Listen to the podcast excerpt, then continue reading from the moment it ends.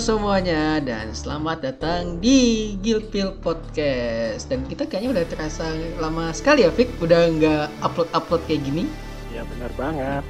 Udah hampir setahun ya Dap Oh iya bener hampir setahun. Hampir setahun ya? Iya. Ya Allah. Ya maklum lah teman-teman. Eh, Kita juga punya kesibukan ya di dunia asli. Jadi kita ya maaf-maaf aja Iya Pak. gitu Ya gitu Oke sekarang kita lagi sama siapa nih Dap? Kita lagi sama ya banyak sih Fik.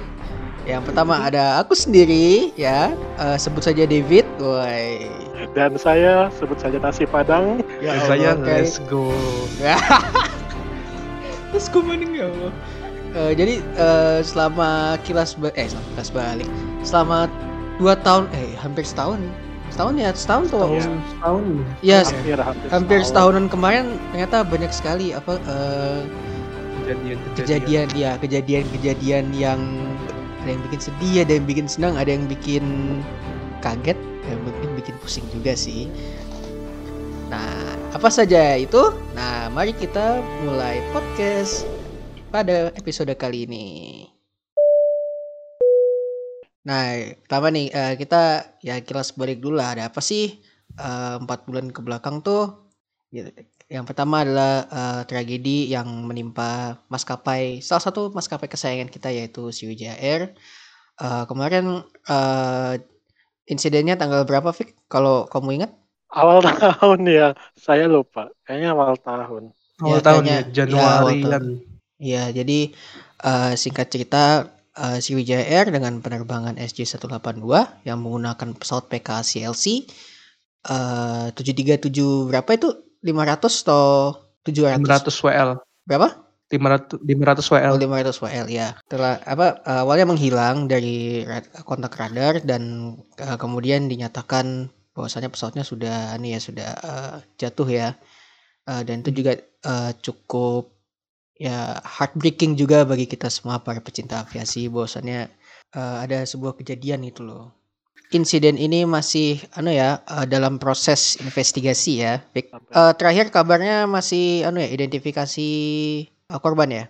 Oh, Bukannya udah ini- dihentikan ya Udah ini Oh, enggak udah sih? Apa namanya? Udah ketemu ini. Oh ya, berarti tinggal proses anu aja apa eh, analisa dan semacamnya. Soalnya ya alhamdulillah CVR-nya udah ketemu, semuanya udah ketemu eh, dan sekarang kita hanya tinggal ya menunggu aja. Semoga Menunggu press release-nya. yes menunggu press release. Semoga eh, apa hasil dari investigasi ini bisa menjadi apa ya sebuah evaluasi gitu loh bagi dunia penerbangan Indonesia. Ya jadi eh, pesannya Jangan takut untuk naik pesawat Naik pesawat. Apa pun Ya, itu. pesawatnya. Ya, walaupun sebenarnya pesawat tua ya, tapi ya nggak apa-apa sebenarnya ya asal dirawat dengan Rawat baik. dengan baik. Hmm, Iya betul. Ya istilahnya sering-sering lah masuk bengkel lah. Cek oli samping atau apalah. Perawatan rutin Ya perawatan rutin dulu kata-katanya. Kita doakan yang terbaik lah bagi semuanya gitu loh. Amin. Mungkin bisa di itu kali ya Dap Di Dari mana ke mana Terus berapa Oh iya iya iya. Itu rutenya dari ya, Fik? Eh, Jakarta eh ke Jakarta ke Pontianak bukan sih? Ya kan? Iya, dari Jakarta Iya. ke enak. Nasnya eh, pesawatnya eh, hilang kontak pas waktu kalau nggak salah pas lagi climbing ya. Iya. Ya pas lagi climbing. Kita di Pulau Seribu. Oh iya benar sekitar Iya. situ. Eh, banyak sih data yang bilang bahwasanya pesawatnya begini, pesawatnya begitu. Ya ada juga yang bilang bahwasanya mesinnya meledak atau gimana. Banyak yang eh, bilang juga bahwasanya Berasumsi. ya berasumsi asumsi gitu. Ya kalau menurutku eh, mana ya ya tolonglah asumsi itu disimpan untuk kalian ataupun grup kalian sendiri. Jangan istilahnya kalian sampai ngecekokin gitu loh ke orang-orang bahwasanya oh pesawatnya rusak karena ini pesawatnya pesawatnya jatuh karena ini. Itu jangan. Itu namanya udah spekulasi gitu nggak boleh. Itu dengar tuh. Mending kita nunggu hasil resminya yang ya kata Dava tadi masih dianalisis ya Dat. Ya masih dianalisis dari data-datanya. Ya itu pasti bakal makan waktu yang lama. Kalau misalkan teman-teman tahu air crash investigation, nah ya kayak gitulah. Istilahnya jangan menjadi eh, apa ahli tiba-tiba ahli mendadak. Oh ya KNKT dadakan ya. Iya. Sumpah. Nah, kita eh, sudah sudahi dulu tragedi yang SJ182 ya. Tadi kita doakan yang terbaik. Nah, selanjutnya kita juga ada tragedi tapi eh, endingnya berbeda.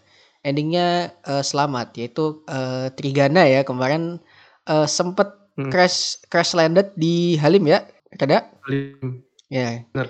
Jadi eh, itu itu jadi eh, kronologinya gimana? Barangkali kamu tahu dak? Yang aku dengar-dengar dari ini sih grup-grup aviasi katanya ada bermasalah di mesinnya, mesin nomor dua apa bi- berapa gitu. Terus sempat ya muter-muter di atas laut Jawa Utara dan iya, iya. akhirnya ya mendarat akhirnya mendarat tapi naasnya mendaratnya bukan mendarat yang yang aman gitu tapi ya belly landing ya namanya. Ya belly Roda- landing, belly landing. ya. rodanya- Nah, Rodanya Yang rodanya rodanya naik, ya belly landing, ha.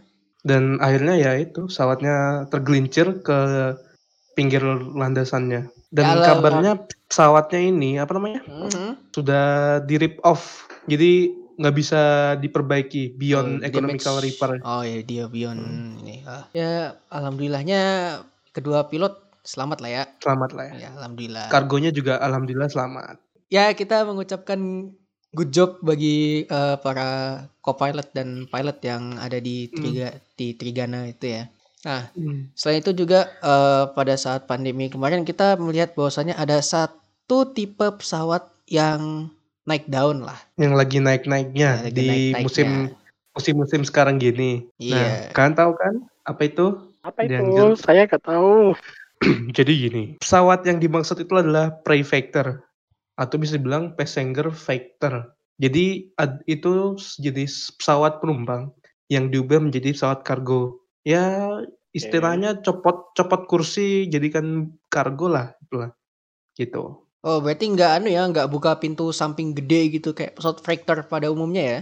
Enggak. Ya Oh. masukin barang kayak gitu-gitu doang. Oh, iya iya iya. Dan Anu ya. Dan kemarin aku dapat dapat kabar sih salah satu proyek proyekter ya di Indonesia ini mau digabung gitu. Jadi benar-benar di bagian belakangnya itu bisa buat penumpang, bagian depannya kargo. Kabarnya sih gitu. Tapi kombi, masih belum tahu. dibikin kombi gitu. Iya, combination. Oh, aku tahu kayak apa? Eh Al- Alaskan Air atau apa ya? Eh bukan ding. Eh, maskapai gitu di Alaska. Mereka masih ngoperasin 737-200 kombi loh dan ya ko- kalau begitu ya kombi yang di, apa yang kombi yang dimaksud sih yang Reda bilang tadi eh, depan apa depan kargo belakang penumpang gitu. Wah, Selain itu, proyektor-proyektor yang apa maskapai yang mengoperasikan proyektor ini bisa dibilang baru beberapa ya. Yang pertama itu ada Garuda yang jelas. Yang A330 versi awal GPA sampai GP. G. yang benar-benar proyek yang benar-benar proyektor atau yang eh, kayak pas awal-awal pandemi yang apa eh, misalkan A320 eh, tapi isinya kargo kursinya diisi kargo gitu apa benar-benar proyektor yang hilang murni murni murni pack murni murni proyektor. tunggu dulu kayaknya bukan A330 dak yang jadi Aku A330 GPA Tiga apa tiga kilo puluh GPA.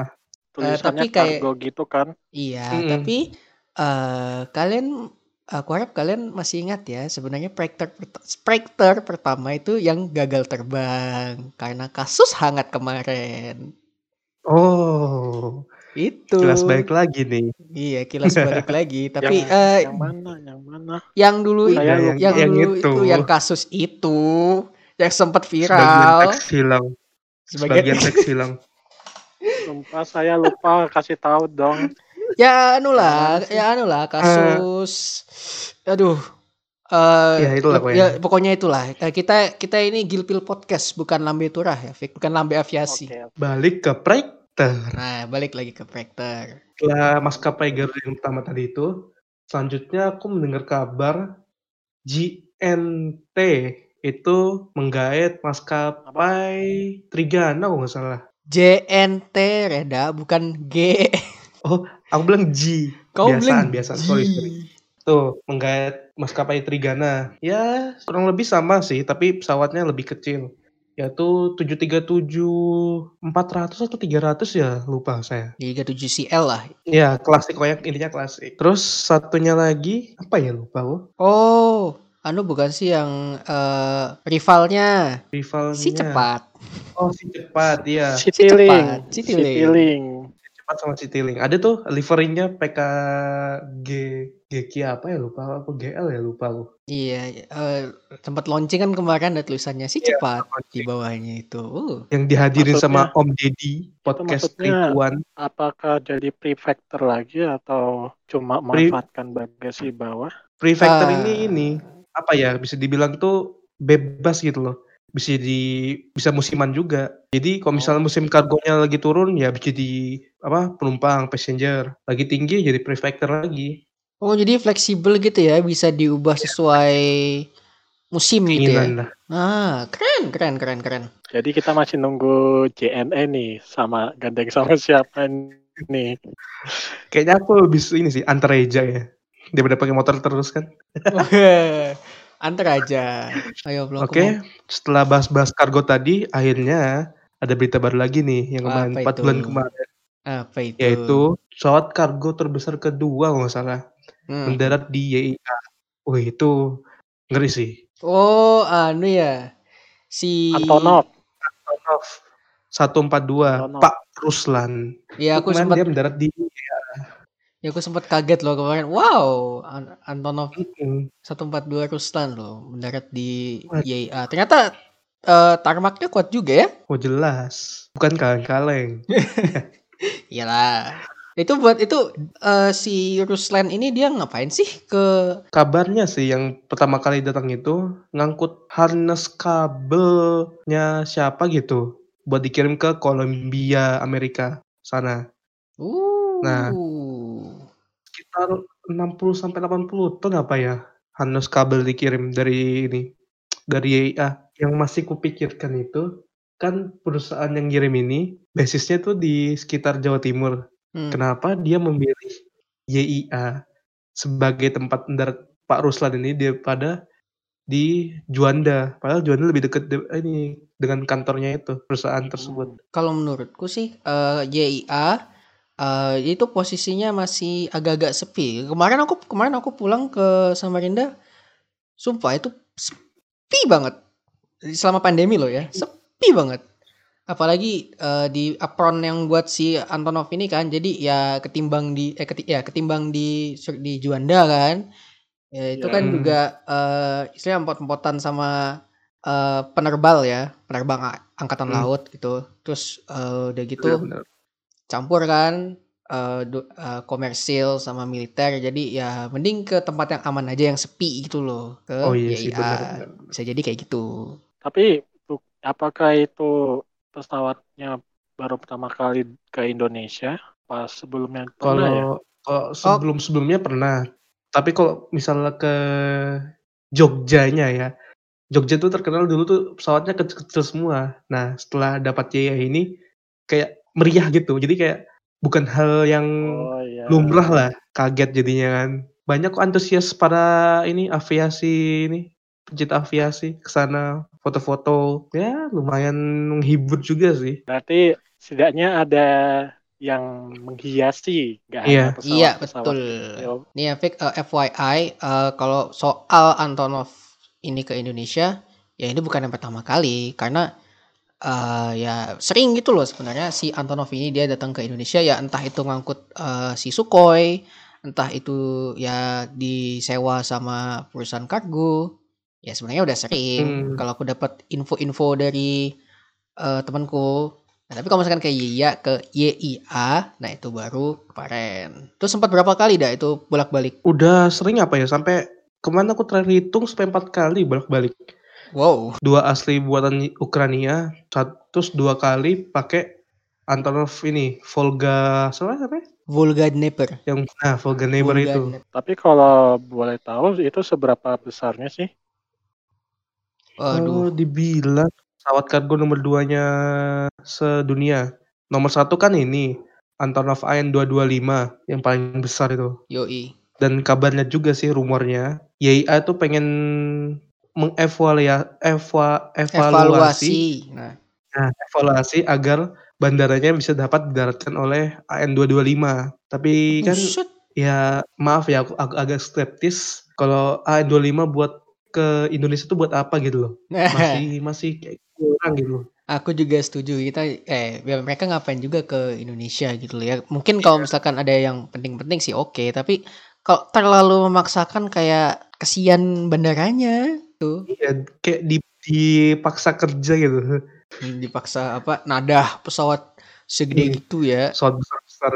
Terus ngomong-ngomong YAI ini barusan eh, bulan kemarin kalau nggak salah ada mengeluarkan suatu gebrakan di Indonesia Waduh apa itu? yaitu Airport Airport Education YIA. Apa Salah itu? satunya airport edukasi pertama yang ada di Indonesia ini. Jadi tuh yang setelah aku nonton reviewnya ya, jadi tuh kita tuh kayak disuruh, eh kita tuh belajar gitu loh, belajar gimana bandaranya, apa aja yang ada di bandaranya gitu. Jadi apa ya, Hmm. bandara gitu loh, ngeliat bandaranya apa aja, gedenya seberapa. Itu eh, apakah itu cuma ruangan aja? Maksudnya yang kayak museum apa kayak ruang-ruangan cuma dipajang foto-foto itu yang ya pokoknya kayak di museum-museum itu atau Bukan. gimana dah?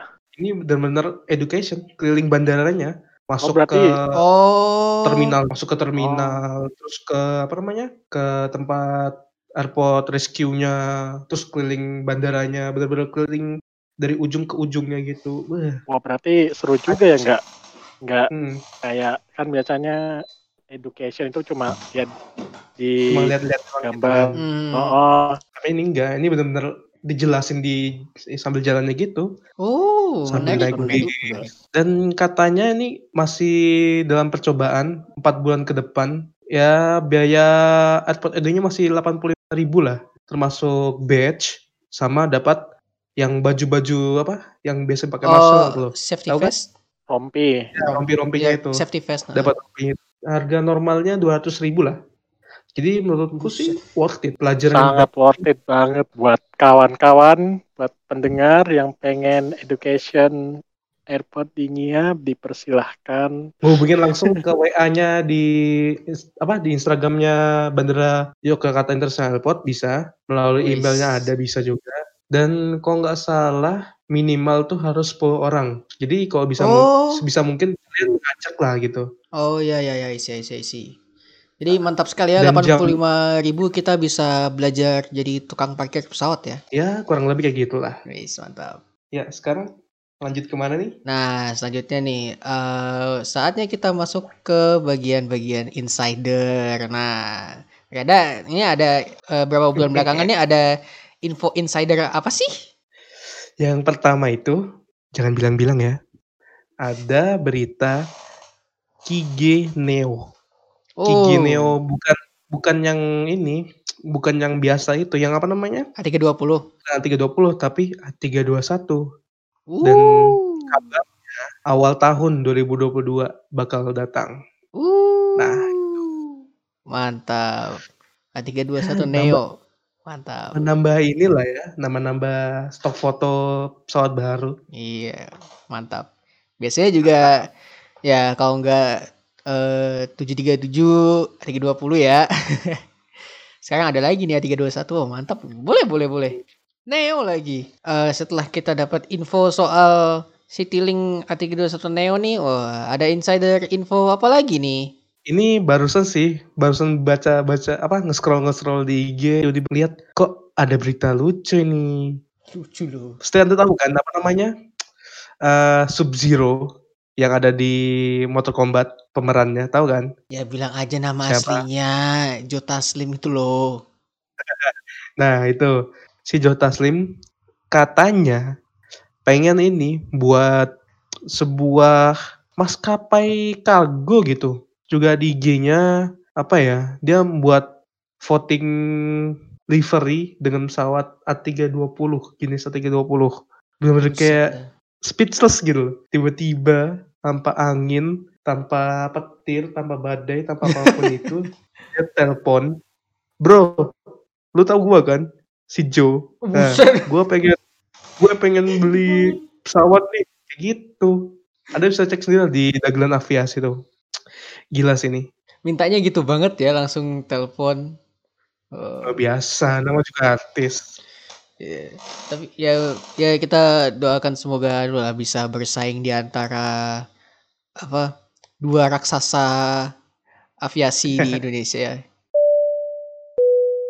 Oke, nah ngomong-ngomong soal salah satu raksasa airline di Indonesia nih, eh jujur dari awal April kemarin tuh kita sempat anu tahu di tis-tis gitulah sama sebuah penampak eh, awalnya ya awalnya penam, sebuah penampakan kokpit A320 di kokpitnya itu tuh ada sebuah registrasi yang asing gitu loh dia Iya. eh, awalannya bukan G atau L ya tapi dia awalannya S S.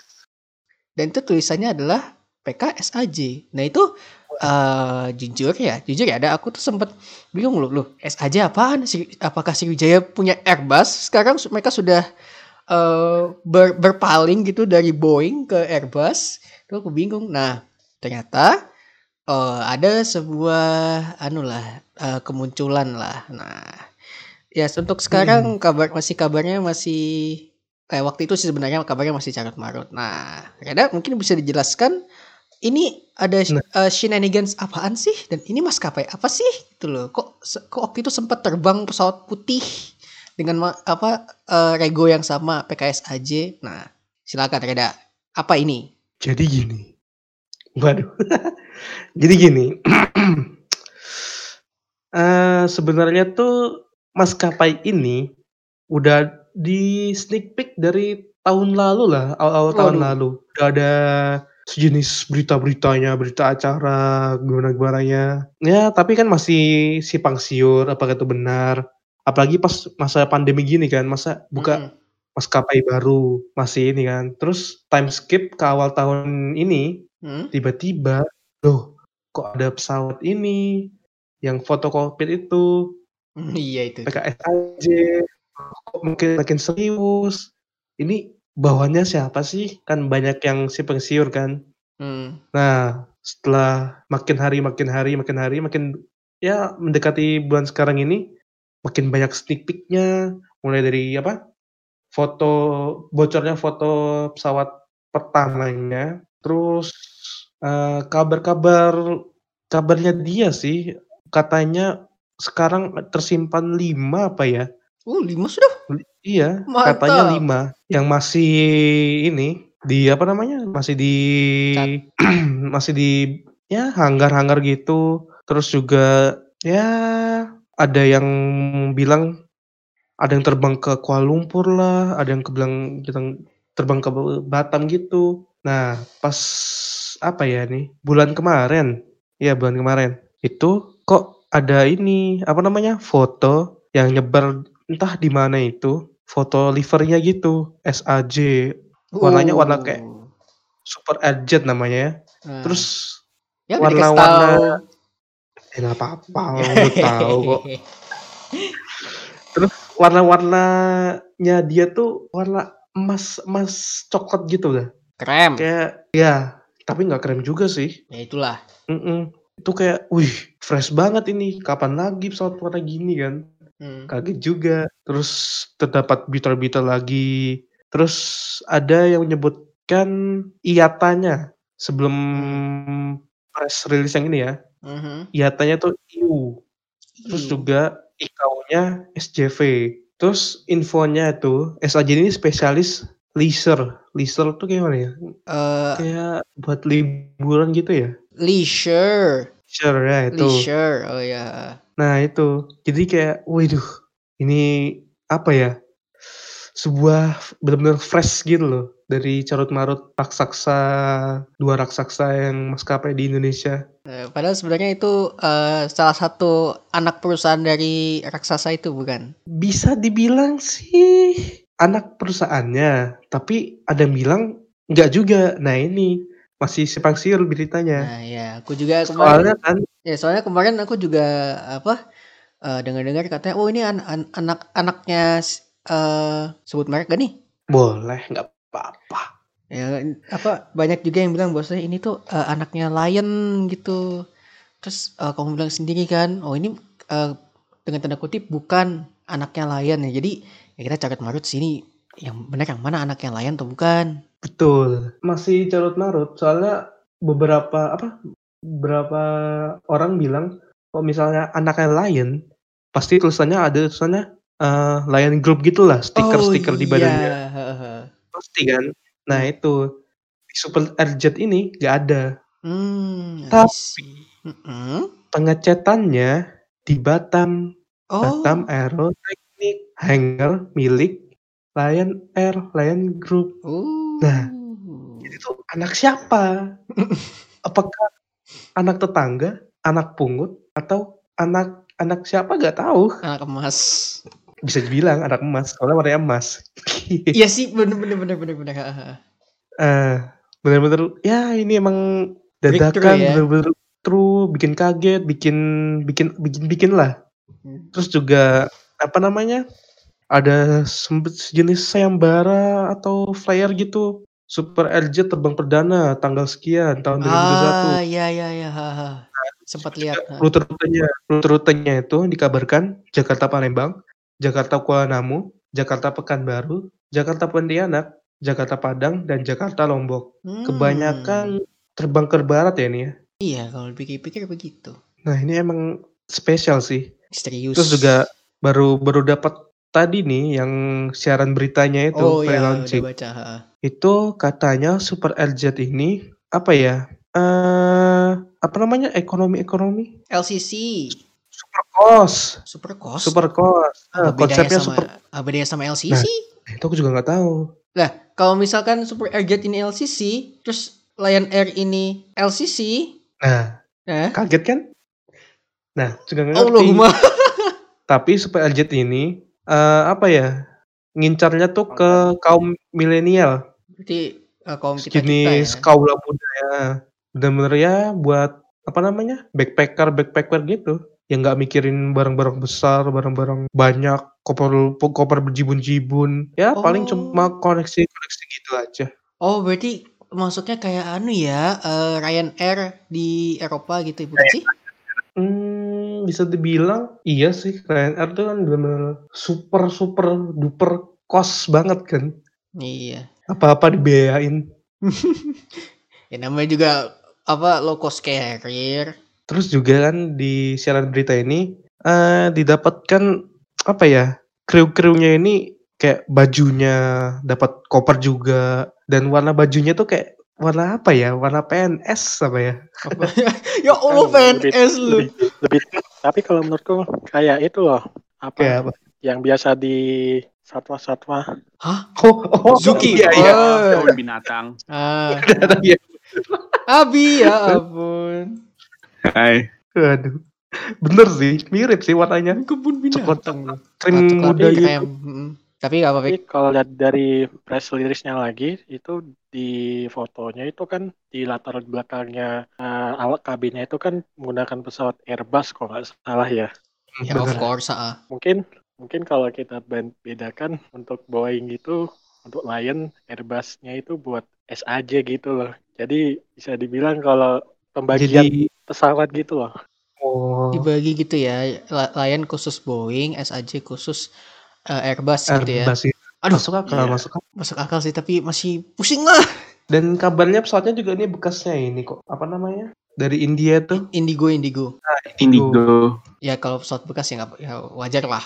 Mm, ya tinggal tunggu kabar-kabar menariknya kabar-kabar yang bikin kaget lagi oleh SAJ nih benar-benar surprise Tapi yang lucunya itu kalau misalkan pandemi ini banyak maskapai yang tutup, ini Lion malah membuka maskapai baru. Iya ya. berarti dia ini apa ya? Kayak udah survei banget gitu loh. Pasti bisa ini nembus. Bisa optimis terus juga eh, memecah fokus dari ini kan. Dari dua raksasa gitu. Pengen jadi penengahnya gitu. Hmm, make sense. bisa jadi tapi kita lihat aja nanti selanjutnya gimana kalau bisa ya ini eh, CEO Superjet tolong ya bisa undang kami kami buat jadi reviewer gitu mungkin Bisa, bisa, Eh, bisa, bisa. Jakarta YIA juga cukup kok. Agar Tolong ya, itu, Pak Ari Azari, tolong ya. Waduh. Please agar banget. kita Sebut nama, Bro. agar agar kita buat buat YouTube siaran channel. tuh. Catatan utama, siaran berita, press release ini. Rekan media menggunakan kutipan narasumber dari Direktur Utama CEO Super RZ Ari Azari. Bisa lah ya Pak. Ntar kami review kok. Pasti bintang 5. Ya kita juga rencana buat YouTube channel ya, tapi nggak tahu isinya apaan. Kita ini walaupun kita masih noob, tapi kita betul-betul sangat cinta dengan aviasi. Yo, Iya, kami cinta aviasi. Ya, selanjutnya berita apa lagi? Tapi kayak ada kelewatan satu deh. Apa itu? Masa nggak tahu sih yang kemarin lagi hangat-hangatnya dari dunia Apa? militer. Oh, apa Rafale? Ini Korea, Korea. 21 Oh, Korea KF gitu. 21 Be Berambe. Berambe. Berambe atau sih? Berambe. Ya, jadi eh, singkat cerita ya. eh kemarin eh, adalah peluncur kemarin tanggal berapa ya? Itu adalah peluncuran perdana KFX eh pak- eh, IFX mau dimasukkan atau tidak, teman-teman? Ah, Tidak. Oke deh. mau Yang versi versi resminya saja. Jadi eh, KFX atau IFX ini diluncurkan eh, dengan versi Koreanya dulu yaitu KF21 Boramai. Atau bahasa Indonesia eh atau bahasa Inggrisnya apa kemarin ya? Aku lupa. Ya pokoknya itu. Eagle, Eagle, lang, Ya, lang. Ya Eagle. Ya kalau dilihat eh, sekilas bentuknya seperti mini F22 ya. Ya Nah, ya kita ya kita harapkan untuk ke depannya ya semoga, semoga, semoga ada yang namanya I- IF21 ya. ya. IF21 elang tuh. Setidaknya- Wis. Mantap. Kalau nggak IF, setidaknya dapat lah, dapat membeli buat nambah alutsista ya Indonesia. Oke. Jadi kesimpulannya gimana? Jadi kesimpulan Jadi kesimpulan. kesimpulannya ya kan kita- ngebahas eh anu ya SAJ ya. Jadi kesimpulannya adalah SAJ ini adalah sebuah breakthrough ya di antara dua titans of airlines di Indonesia. Jadi eh ada yang fresh lah, bukan dari eh, grup Ono atau dari grup ini. Tapi dia benar-benar jalan tengah. Ya Oke, kalau kesimpulanku itu eh, selama setahun ini bakal dihiasi dengan kabar terbaru dari dunia aviasi. Benar. Ya benar sekali. Ada mulai banyak ya SAJ, Neo, dan juga Prekter-Prekter. Nah, Kalau kesimpulan kesimpulanku sih, yang pertama itu yang highlight beberapa bulan yang lalu, yang terus SAJ ini ya kurang lebih sama lah ya. ya cukup segitu sih dari ini apa namanya kesimpulan saya.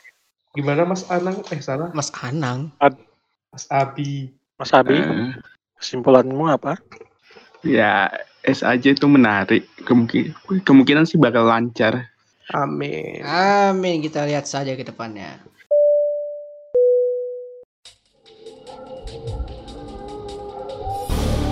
Nah, jadi kurang lebih begitu pada ba- pembahasan pada episode kali ini. Lumayan ada ya. Eh, lumayan menguras otaknya apalagi tadi ya, SAJ ya. Nah itu bener. menguras menguras otak sekali ya kita berharap ke depannya anu lah eh, ya semakin SAJ ini ikut mewarnai la- eh, angka angka Langit. langit Indonesia nah bersama dengan eh, beberapa Prekter dan juga eh, Neo-nya Citylink ya Betul. Nah, jadi eh, ya kurang lebih begitu dulu pada episode kali ini. Semoga teman-teman terhibur dan jangan lupa untuk like dan jangan lupa untuk follow IG kita Like. di Gilpil Podcast. Like, Ya di like bisa loh. Like. like di mana? Like, di comment, and subscribe. like bisa Oh, loh. jangan lupa di share. Like di podcast. Nah, jangan lupa jangan lupa untuk di-share juga teman-teman supaya banyak supaya banyak eh, apa orang-orang yang teredukasi juga gitu dengan dunia aviasi. Dan juga siapa tahu pengen tahu soal insider info. Wah, mantap kan? Aduh. Betul. Dan, dan, dan jangan lupa untuk ngasih saran di sosial media kita. Oh iya, kita selalu Ya. terbuka Iya, kita selalu terbuka. Kita selalu terbuka. tentang dan kita feedback-feedback. bukan ahli, Ya kita bukan ahli. feedback. Ini adalah hasil riset Dan juga info orang Instagram. dalam. Waduh. Pimpinan Podcast. Sukar Podcast. Nggak lanjut Yang- nih. Yang gambarnya mic ya, ada gambar pesawatnya juga. Ya, Yoi. pesawat. Ya sudah segitu dulu teman-teman. Sampai jumpa di episode selanjutnya. Dadah. Bye. Bye. Bye.